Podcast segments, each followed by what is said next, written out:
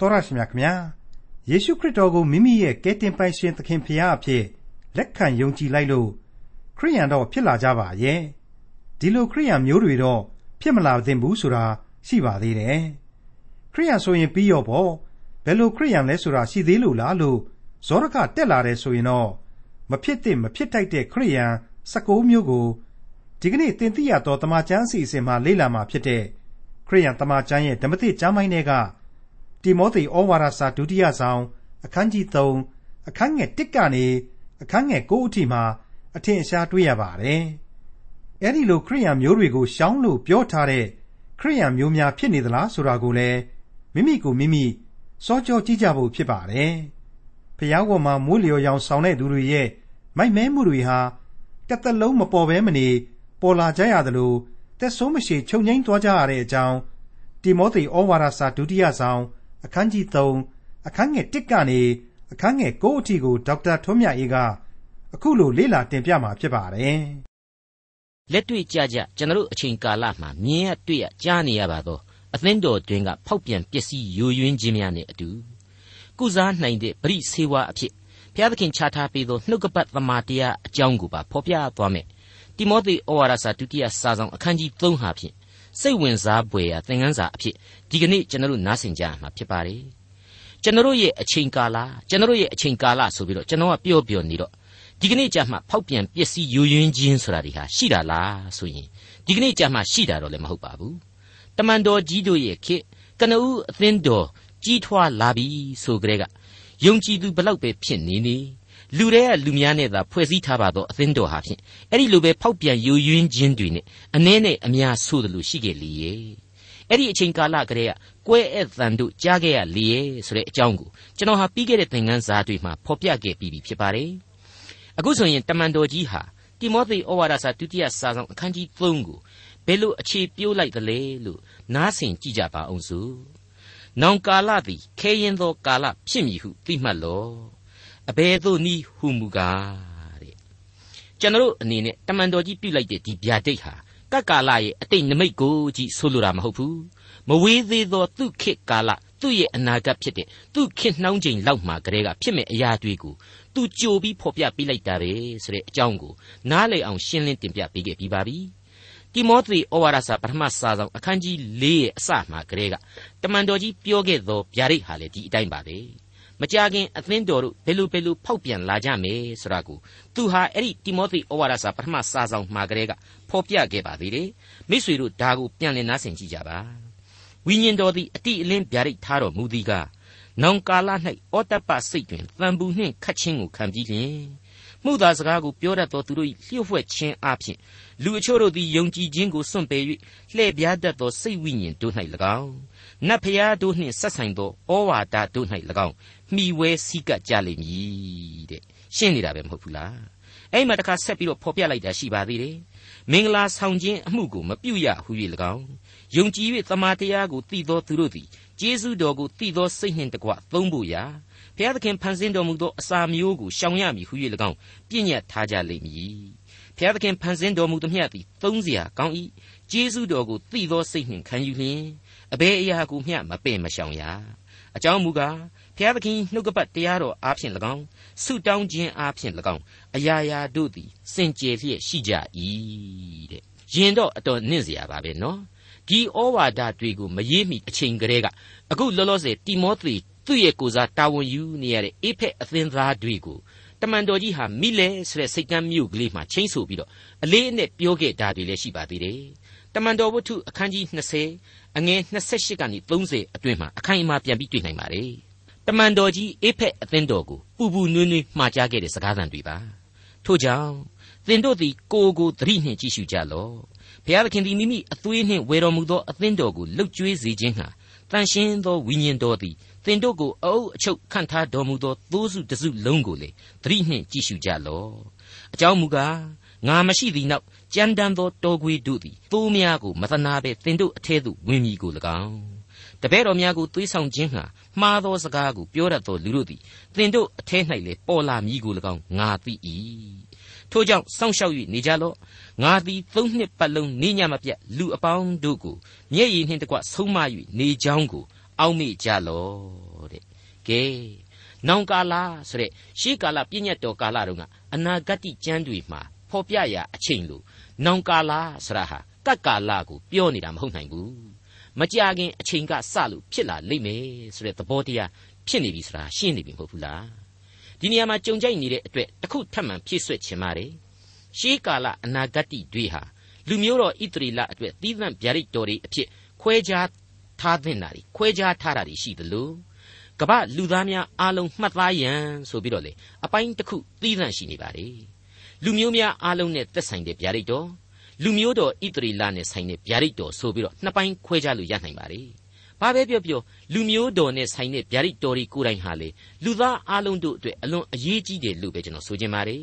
လူမျိုးတော်ဟာသူတို့ကတော်လို့တက်လို့လူမျိုးတော်ဖြစ်ခြင်းအရှင်းမဟုတ်လူသားအားလုံးရှုမြင်သုံးသပ်စေဖို့ရန်အတွက်သာဘုရားသခင်ခန့်ထားခြင်းခံရသောလူမျိုးတော်ဖြစ်တယ်ဆိုတာကိုကျွန်တော်အကြိမ်ကြိမ်ပြောခဲ့ပြီးပြီဖြစ်ပါတယ်ဒါကြောင့်မလို့လူမျိုးတော်ကိုစီရင်ပေးခြင်းစီရင်ခြင်း လူမျိုးတော်ကိုကောင်းကြီးပေးခြင်းလူမျိုးတော်ကိုအပြစ်တင်ခြင်းနဲ့ခွင့်လွှတ်ခြင်းကြိမ်ဆိုခြင်းစတဲ့အချက်တွေအကုန်လုံးဟာကဘာပေါ်မှာရှိနေတဲ့လူသားတွေအားလုံးအတွက်ဘုရားသခင်ကိုယုံကြည်ကိုးကွယ်ဖို့ရန်ပုံဆောင်သောတက်သေးတည်စေသောအချက်များကြီးဖြစ်တယ်လို့ကျွန်တော်ဒီနေရာမှာဖြစ်ဆွဲချင်ပါတယ်ဆက်ပြီးတော့ကြည့်ကြပါအောင်စို့တိမောသေဩဝါဒစာဒုတိယစာဆောင်အခန်းကြီး3အငယ်1မှ9အဘယ်သို့နည်းဟုမူကားလူတို့သည်ကိုကိုကိုချစ်တော်သူငွေကိုတတ်မဲ့တော်သူ ဝါကြွားတော်သူထောင်လွှားစော်ကားတော်သူသူ့အသရေကိုရှုံချတော်သူမိဘစကားကိုနားမထောင်တော်သူကျေးဇူးမရှိတော်သူတန်ရှင်းခြင်းမရှိတော်သူပဂရိကျင်နာစုံမဲ့ခြင်းနှင့်ကင်းတော်သူရန်ညှိုးဖွဲ့တော်သူချောစားတတ်တော်သူကိုအိန္ဒိယကိုမချုပ်တီးနိုင်တော်သူပြင်းထန်တော်သူသူတော်ကောင်းကိုမုံတော်သူတစ္ဆာကိုဖျက်တတ်တော်သူ သတိပေးခြင်းကိုမခံတော်သူမာမာနနှင့်ရစ်မှုတော်သူဖျားသခင်ကိုနှစ်သက်တည်တဲ့ကာမဂုဏ်ခံစားခြင်းကိုသာ၍နှစ်သက်တော်သူဖျားဝတ်၌မွေ့လျော်ရောင်ဆောင်၍မွေ့လျော်ခြင်းတကူကိုညင်းပယ်တော်သူဖြစ်ကြလိမ့်မည်ထိုသူတို့ကိုရှောင်လော့နောင်ကာလသည်ခေရင်သောကာလဆိုတဲ့အတိုင်းပဲအသင်းတော်ရဲ့အပြင်ပန်းဟာကြီးထွားလာတယ်လူတွေကများလာတော့ကြီးထွားလာတာပေါ့ အဲ့ဒီလိုကြီးထွားတာနဲ့အမျှလဲပို၍ပို၍ဖောက်ပြန်ပျက်စီးမှုတွေဟာများလာတယ်ဆိုတာကတော့ဟုတ်ပြီဘာကြောင့်ဒီလိုတွေဖြစ်တယ်လဲဆိုရင်တော့အခုတမန်တော်ကြီးရဲ့ဆွဆွဲချက်အရာအဲ့ဒီပွားများလာသောလူသားယုံကြည်သူတွေအတွင်းမှာလူဒန်းစား16မျိုးဖြာထွက်လာလို့ပဲ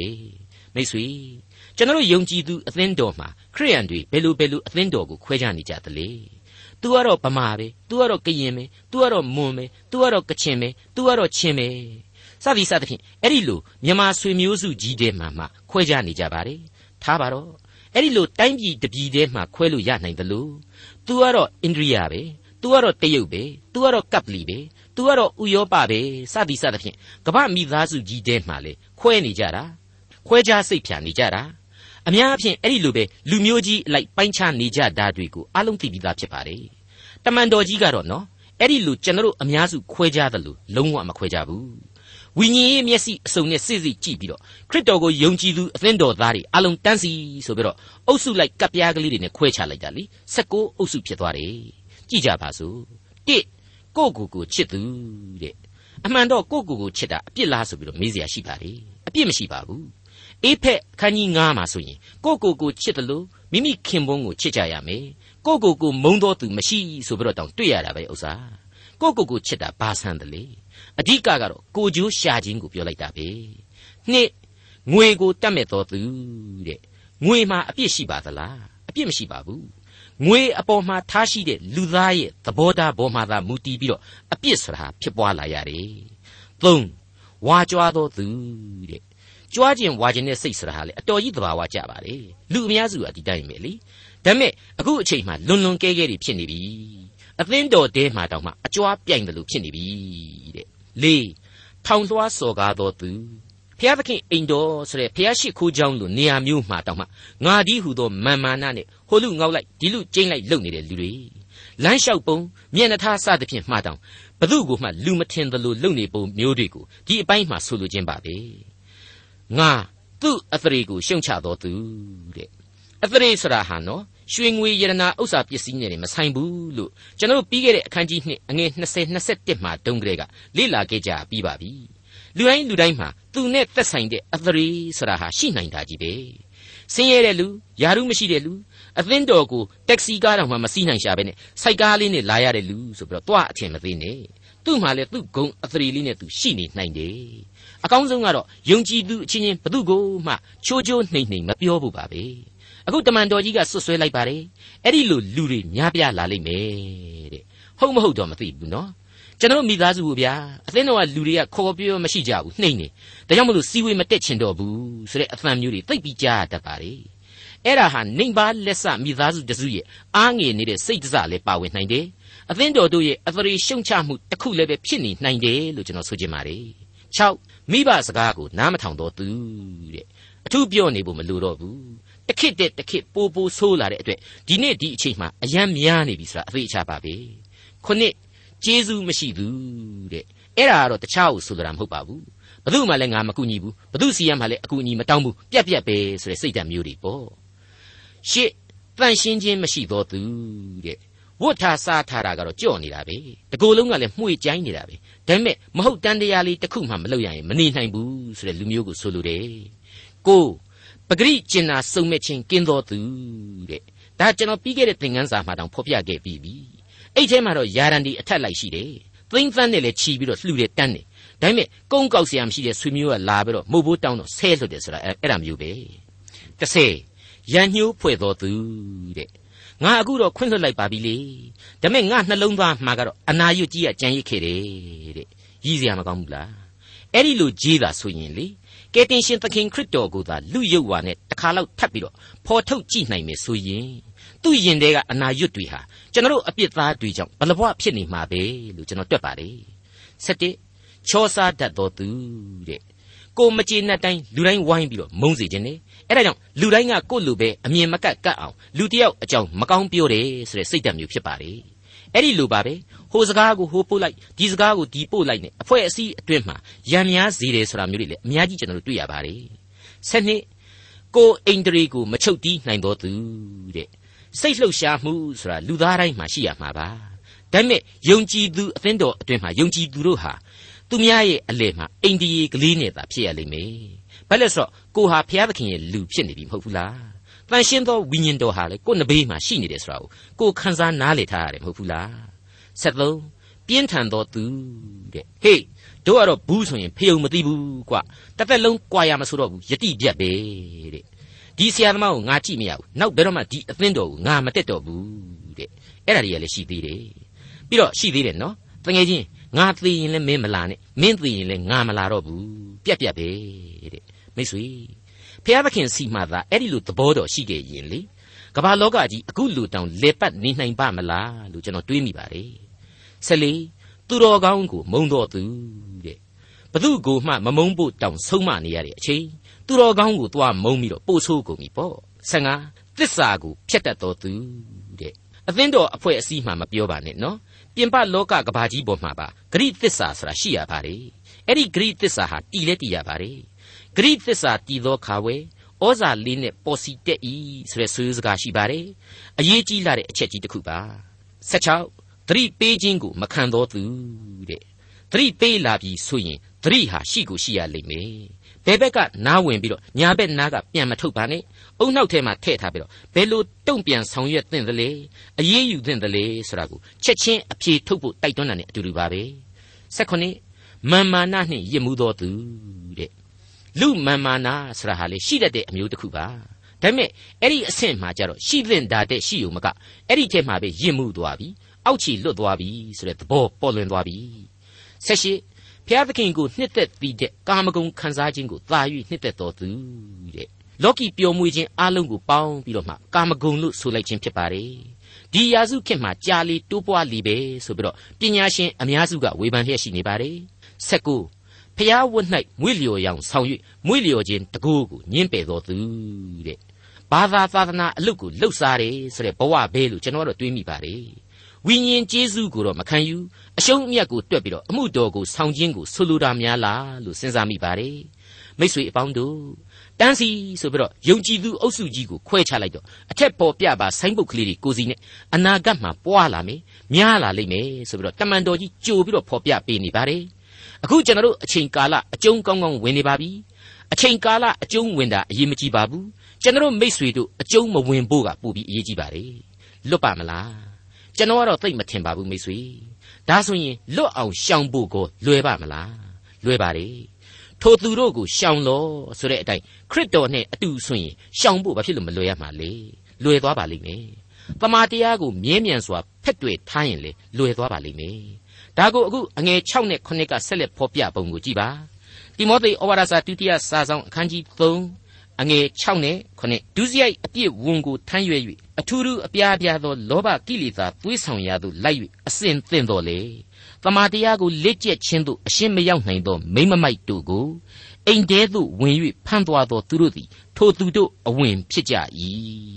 မိမမိုက်ဆိုတာဟာနော်မိမတက်တက်ကိုနှိမ်ပြီးတော့ဆိုလိုတာမဟုတ်ပါဘူး တမာတရားကိုမခံယူနိုင်သူဘယ်လို့မှလေ့ကျက်လို့မရသူယောက်ျားမိန်းမမရွေလူမိုက်တို့ကိုဆိုလိုခြင်းဖြစ်ပါတယ်အဲ့ဒီလိုသာတမာတရားကိုလေ့ကျက်ခြင်းမရှိတဲ့အခါမှာတော့စောစောက16မျိုးသောအုပ်စုတို့အထက်ကိုကျိုးနဲ့တုပ်ပြီးတော့ခေါ်သွားသလားမှတ်ယူရလောက်အောင်အဲ့ဒီလူမိုက်တွေအကုန်တန်းစီပြီးပါသွားပါလေရောတဲ့ဒါကြောင့်မလို့ရှင်းနေပါတယ်မိတ်ဆွေမိမ့်မမိုက်ခေါ်လူမိုက်များမဖြစ်ပါစေနဲ့ခရစ်တော်ပေးတဲ့ဝိညာဉ်ခွန်အားနဲ့အတူအဲ့ဒီဆိုင်ပုတ်အုပ်စုဒီတွဲကနေယုံထွက်ကြပါ တမာတရားကိုလေ့ကျက်ရင်းနဲ့ခဲရင်သောကာလရေစံကိုကုခတ်အောင်မြင်နိုင်ကြပါစေတည်းလို့ကျွန်တော်တို့သင်သိရသောတမန်ကျမ်းအဖွဲ့ကဆုတောင်းမြတ်တာပို့တာပေးလိုက်ပါတယ်ကျွန်တော်တို့ကိုဓမ္မသချင်းကလေးတွေအတော်များများဟာအဲ့ဒီအပြစ်ဒုစရိုက်တွေကနေလွတ်မြောက်စေရန်အတွက်အားပေးတိုက်တွန်းထားတာတွေအများကြီးပဲရှိပါတယ်အဲ့ဒီထဲကသချင်းတစ်ပုဒ်ကိုကျွန်တော်သတိရမိပါတယ်သိုးကြံတော်မှဝေးစွာထွက်ခွာ၍ပြစ်မှောင်မိုက်တွင်ကျင်လေသူများတို့ပြော၍မကုန်နိုင်သောခရစ်တော်ဤမေတ္တာတော်အကြောင်းနားထောင်ပါ။ အိုးသင်ကိုကယ်ရန်သိခံရှင်အားသိလျင်သင်ပယ်လောက်ချစ်လိမ့်မည်နီ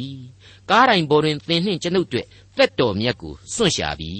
တဲ့နောက်ထပ်တခြင်းတစ်ပိုက်မှာကျတော့အပြစ်သွေးဆောင်ရာသို့မလိုက်မပါနှင့်တခါလျင်သင်အောင်မြင်နောက်တခါအောင်မည်ရဲရင်စွာတိုးတက်လေဒေါသကိုချုပ်တည်ယေရှုကိုမျှော်ကြည့်လေသင်ကိုလမ်းပြမည်အားပေးမဆတော်မူရန်ကဲချွတ်ရှင်ကိုဆုတောင်းလေသင်ကိုလမ်းပြဆောင်ယူရန် အသင့်စောင့်လျက်နေပြီတဲ့ဟုတ်ပါတယ်မိတ်ဆွေအပေါင်းတို့ကိုယ့်ရဲ့ဇာတိပဂရိအင်အားအတိုင်းကတော့ကျွန်တော်အကြိမ်ကြိမ်ဖော်ပြခဲ့ဘူးသလို fallen nature သာဖြစ်တဲ့လူဘဝဟာအမြဲဖောက်ပြန်ပျက်စီးဖို့လွယ်ကူလွန်းလာပါတယ်။ဒါကိုသမာတရားအဖြစ်ကြားကန်ပြီးတော့ကျေးဇူးဂရုနာတော်ကိုခံယူရင်ပြန်လဲအားဖြည့်တင်းကြပါစို့လို့တိုက်တွန်းအားပေးလိုက်ပါရစေ။တိမောသေဩဝါဒစာဒုတိယစာဆောင်အခန်းကြီး3အငယ်8နဲ့9 ယန်နေနှင့်ယံပြည်သည်မောရှိကိုစီတာတဲ့ကဲ့သို့ထိုသူတို့သည်တမန်တရားကိုစီတာကြ၏စိတ်နှလုံးယိုယွင်း၍ယုံကြည်အောင်ဆောင်တော်သူဖြစ်ကြ၏ထိုသူနှစ်ယောက်တို့၏မိုက်မဲခြင်းသည်လူအပေါင်းတို့ရှိမှထင်ရှားတဲ့ကဲ့သို့ထိုသူတို့၏မိုက်မဲခြင်းသည်လည်းထင်ရှားလိမ့်မည်တို့ဖြစ်၍သူတို့သည်တိုး၍မလွန်မသွားရကြယန်နေနဲ့ယံပြည်တဲ့မောရှိကိုစီတာခဲ့တဲ့လူနှစ်ယောက်ရဲ့နာမည်တွေအဖြစ်ရှင်ပေါလုဖော်ပြလိုက်ပါတယ် အဲ့ဒါနဲ့ကျွန်တော်ခမရမှာလေမောရှေရဲ့သမိုင်းကြောင်းကိုရှောက်ပြီးတော့လှန်လှောရှာဖွေလိုက်ရတာလူသာဖတ်ဖတ်မောရောအဲ့ဒီရံမျိုးနွယ်စုနှစ်ယောက်ကိုဘယ်မှမှရှာလို့မတွေ့ပါဘူးဒါပေမဲ့အမှန်ပဲအမိနာမနဲ့အခိုင်အမာဖော်ပြထားတယ်အဲ့ဒီယန်ကြီးနောင်ဟာစိတ်ထားမမှန်မကန်နဲ့ဘုရားသခင်ကိုယုံကြည်အောင်ဆောင်တယ်ဘုရားသခင်သမာတရားကိုစီတာကြခဲ့ပါတယ်တဲ့ဒီတော့ပေါလုခေတ်အထိသုံးဆွဲခဲ့တဲ့ရှေးဟောင်းစာပေကျမ်းဂန်တချို့မှာပါဝင်နေလေသလား ဒါမှမဟုတ်ရင်တန်ရှင်းသောဝိညာဉ်တော်တွင်တင်မှုအပြင်ပေါလုကြားရတဲ့နာမည်တွေလားတော့မဆိုနိုင်အမှန်တကယ်မောရှိကိုစီတာနှောက်ယှက်ခဲ့တဲ့လူနှစ်ယောက်ဆိုတာကတော့အသေးချာပဲမောရှိသမိုင်းဘယ်အပိုင်းမှာအများဆုံးဖြစ်နိုင်ပါသလဲအီဂျစ်မှာဖြစ်နိုင်တယ်ဆိုတာကိုစဉ်းစားလို့ရလာပါတယ်အီဂျစ်မှာကရမ်စီဆိုတဲ့ဘုရင်မင်းဆက်တွေရှိဘူးတယ်အင်္ဂလိပ်စာလုံးပေါင်းနဲ့ကြည့်ရင်တော့နာမည်ချင်းကတခြားစီမှန်ပါတယ်ဒါပေမဲ့အဲ့ဒီခေတ်အီဂျစ်နာမည်ဆန်တယ်လို့ပဲကျွန်တော်တို့ခံယူပါတယ် အဲ့ဒီလိုလျှောက်ပြီးတွေးရင်တော်ရင်နဲ့သူ့ရောက်ခမကြီးရေသရောရဲ့အမျိုးမိဒရန်တွေတဲကလည်းဖြစ်ချင်းဖြစ်နိုင်တာပဲလို့ကျွန်တော်အဖြေတော့တွေးမိပါတယ်ဒါပေမဲ့အများဆုံးဖြစ်နိုင်တာကတော့အီဂျစ်သို့မဟုတ်အဲဂုတ်ထုပဲလို့တခုတည်းသောအဖြေထွက်လာပါတယ်အဲဂုတ်ထုအရက်မှာမောရှိပြန်ရောက်ပြီးတော့ဖာရောဘုရင်မင်းမြတ်ရှိမှာပထမဆုံးအကြိမ်အဖြစ်လန်ဒန်နဲ့တောင်ဝှေးကိုလွှတ်ချမွေအဖြစ်ပြောင်းလဲစေချိန်မှာဖာရောဘုရင်ကလည်းသူ့ရဲ့ဆရာသမားတွေကိုခေါ်ပြီးတော့သူတို့ရဲ့လန်ဒန်တွေနဲ့မွေတွေဖြစ်အောင်လုပ်ပြခိုင်းတယ် ဒါပေမဲ့မောရှိရဲ့လှန်တန်ကသာသူတို့လှန်တန်တွေကိုမျိုးပစ်တယ်ဆိုတာကိုတွေ့ရတော့အဲ့ဒီသူတို့နတ်ဖျားတွေဟာလေတကူတော့နည်းနည်းပါးပါးရှိတာအမှန်ပဲဒါကိုကျွန်တော်တို့တွေ့ကြရပါတယ်ဒီတော့ဒီတကူဟာဘာလဲဆိုတော့စာရမဏတ်စီရလာတဲ့တကူနတ်နဲ့သက်ဆိုင်တဲ့တကူအဲ့ဒီစာရမဏတ်ကိုကိုစားပြုထားတဲ့အဲ့ဒီအဖွဲ့တွေထဲမှာယန်နေနဲ့ယန်ပြည်တို့ဥဆောင်ပါဝင်ခဲ့ကြလိမ့်မယ်လို့ကျွန်တော်ဆိုချင်ပါတယ် ဒါကိုအလွန်ပြေပြန်ပြီးတော့စင်ကျင်နှလုံးသွင်းနိုင်ဖို့ရန်အတွက်ဖျက်မြောက်ရာကျမ်းအခန်းကြီး9အငယ်8ကနေ73ကိုပြန်ပြီးတော့ကြည့်ကြပါတဖန်ထာဝရဘုရားသည်မောရှိနှင့်အာယုန်တို့အားမိန့်တော်မူသည်ကဖာရောဘုရင်ကသင်တို့အတွက်ထူးဆန်းသောတကူကိုပြလော့ဟုဆိုလျင်သင်၏လှန်တံကိုယူ၍ရှေ့တော်၌ချလော့ဟုအာယုန်အားပြောလော့လှန်တံသည်လည်းမွေဖြစ်လိမ့်မည်ဟုမိန့်တော်မူ၏မောရှိနှင့်အာယုန်သည်ဖာရောဘုရင်ထံသို့ဝင်၍ထာဝရဘုရားမိန့်တော်မူသည့်အတိုင်းပြုသဖြင့်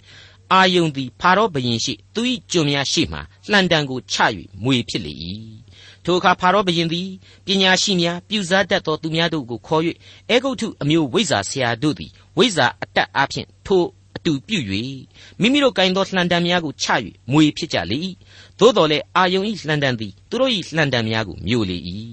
ထာဝရဘုရားမိန့်တော်မူသည့်အတိုင်းဖာရောဘုရင်သည်နှလုံးခိုင်မာ၍သူတို့၏စကားကိုနားမထောင်ဘဲနေ၏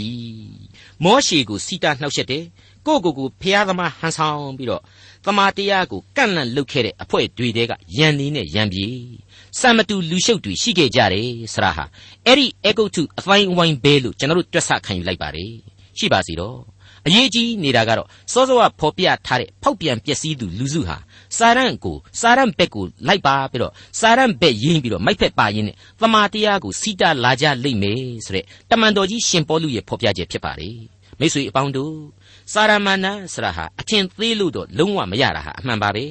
သူ့မှာတကိုးရှိပါတယ်ခရစ်တော်ကိုတောင်မှအချိန်အခါလျောက်နှောက်ယှက်နိုင်တယ်နတ်ဆိုးများအားဖြင့်လူတွေကိုလွှမ်းမိုးနိုင်စွမ်းရှိတယ် ထူးဆန်းတဲ့တတ္တိတွေပြနိုင်တယ်ဆရာတွေ့ကိုကျွန်တော်တို့ဟာနှုတ်ကပတ်တော်ရဲ့ဖော်ပြချက်ပေါင်းများစွာမှာတွေ့ကြရပြီးပြီဖြစ်ပါတယ်ဒါကြောင့်မို့လေအေဖက်ဩဝါဒစာအခန်းကြီး6ထဲမှာဆိုရင်ခရိယန်တို့ရဲ့လက်နှက်စုံကိုမင်းတို့ယူတင်ဝတ်ဆောင်ကြ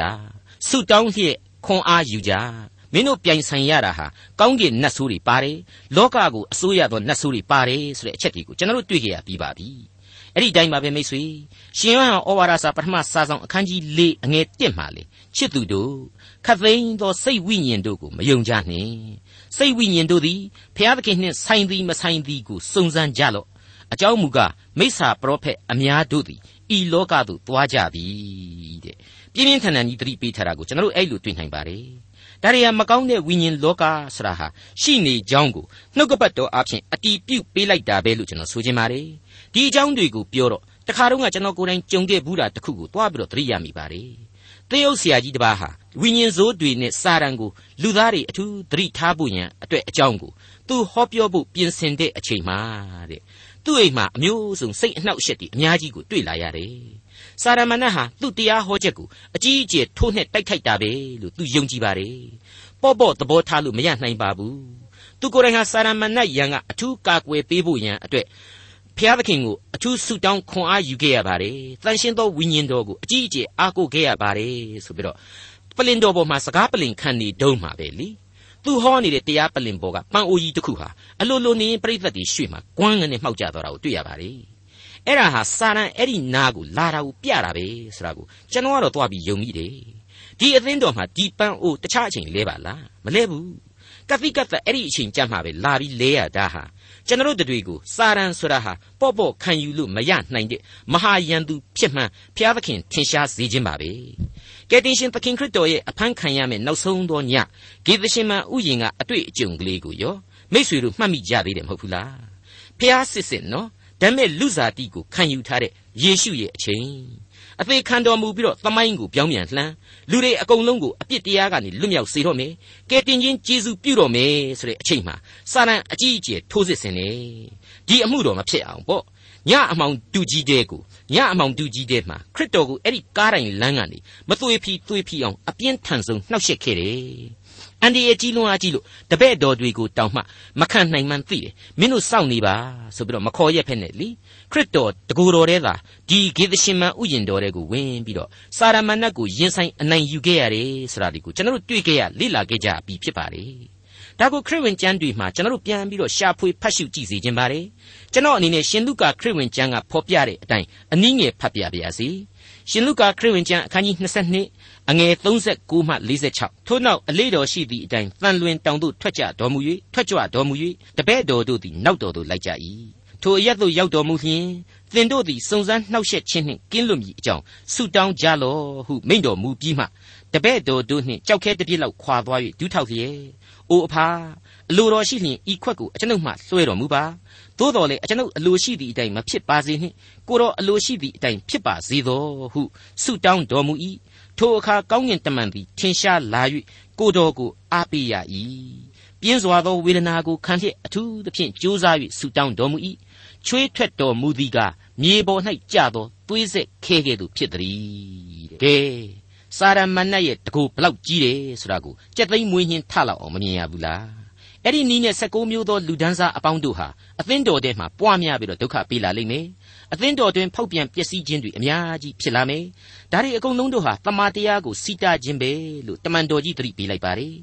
ဘာပဲပြောပြောမောရှေကိုနှောက်ယှက်ခဲ့တဲ့ယန်နေနဲ့ယန်ပြေတို့ဟာလူပရိသတ်တွေရှေ့မှာပဲအရှုံးကြီးရှုံးနေပြီးတော့သူတို့ရဲ့မိုက်မဲခြင်းဟာထင်ရှားရသလို အသင်းတော်နဲ့တကွလူအဖွဲ့အစည်းရဲ့အပြစ်လောကသားအပေါင်းတို့ဟာလေနောက်ဆုံးအချိန်မှာတော့တရားစီရင်ခြင်းကိုခံကြရမှာသာဖြစ်ပါတယ်သူတို့သည်တိုး၍လွန်မသွားကြဆိုပြီးတော့တမန်တော်ကြီးဖော်ပြလိုက်ပါတယ်ဒါဟာနောက်ဆုံးသောကပ်ကာလသို့ဥတီရည်ညွှန်းခြင်းဖြစ်တယ်လို့ကျွန်တော်တို့ခံယူပါတယ်ဒီကနေ့တိုင်အောင်တက်တည်ထင်ရှားစွာတည်နေတဲ့နှုတ်ကပတ်တော်ရဲ့သစ္စာတရားတွေဟာကျွန်တော်မိษွေတို့အဖို့လက်တွေ့အလွန်ကြနာစွာနဲ့ဘုရားသခင်ဖော်ပြပေးလျက်ရှိနေပါတယ်ဒါအပြင် သူ့ကိုခိုလှုံကြဖို့ရန်လေအမြဲသတိပေးလျက်ရှိနေကြောင်းပါဒေါက်တာထွန်းမြတ်ရေးစီစဉ်တင်ဆက်တဲ့တင်ပြတော်တမချန်းအစီအစဉ်ဖြစ်ပါတယ်နောက်တစ်ချိန်အစီအစဉ်မှာခရိယန်တမချန်းရဲ့ဓမ္မတိကျမ်းပိုင်းတွေကတိမောသေဩဝါဒစာဒုတိယဆောင်အခန်းကြီး3အခန်းငယ်30ကနေအခန်းငယ်18အထိကိုလေ့လာမှာဖြစ်တဲ့အတွက်စောင့်မျှော်နားဆင်နိုင်ပါတယ်။